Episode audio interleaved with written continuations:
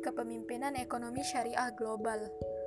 Tahukah Anda, generasi mana yang saat ini menjadi pemain utama dalam ekonomi syariah global?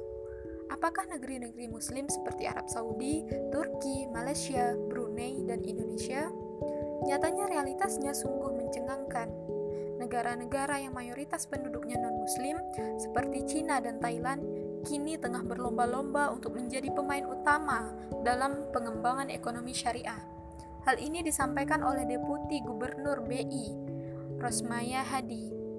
Saat ini Cina telah menjadi negara, negara pengekspor busana muslim terbesar di dunia. Ada pula Thailand yang memiliki visi sebagai pemasok utama makanan halal dan negara non-muslim lainnya juga sama. Lantas, di manakah posisi Indonesia?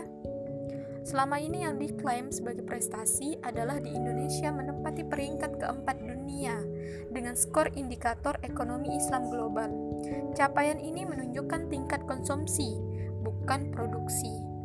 Hal ini tak lepas dari sikap Indonesia yang masih malu-malu untuk menerapkan ekonomi syariah. Meski penduduknya mayoritas Muslim, nyatanya sikap alergi terhadap aturan Islam atau syariat Islam masih mengemuka di Indonesia. Syariat diidentikan dengan radikalisme dan terorisme. Sebenarnya, jika Indonesia ingin serius menggarap ekonomi syariah, terapkanlah syariat kafah. Kontribusi ekonominya pasti akan sangat besar.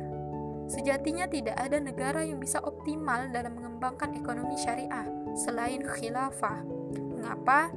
Pertama, karena hanya khilafah yang memiliki paradigma paling mendasar tentang ekonomi syariah.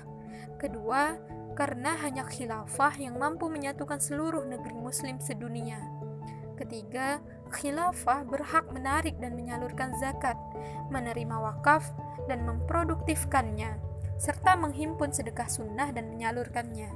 Keempat, harta fa'i atau rampasan perang, khoroj, pungutan atas tanah khorojiyah, hanya ada dalam khilafah.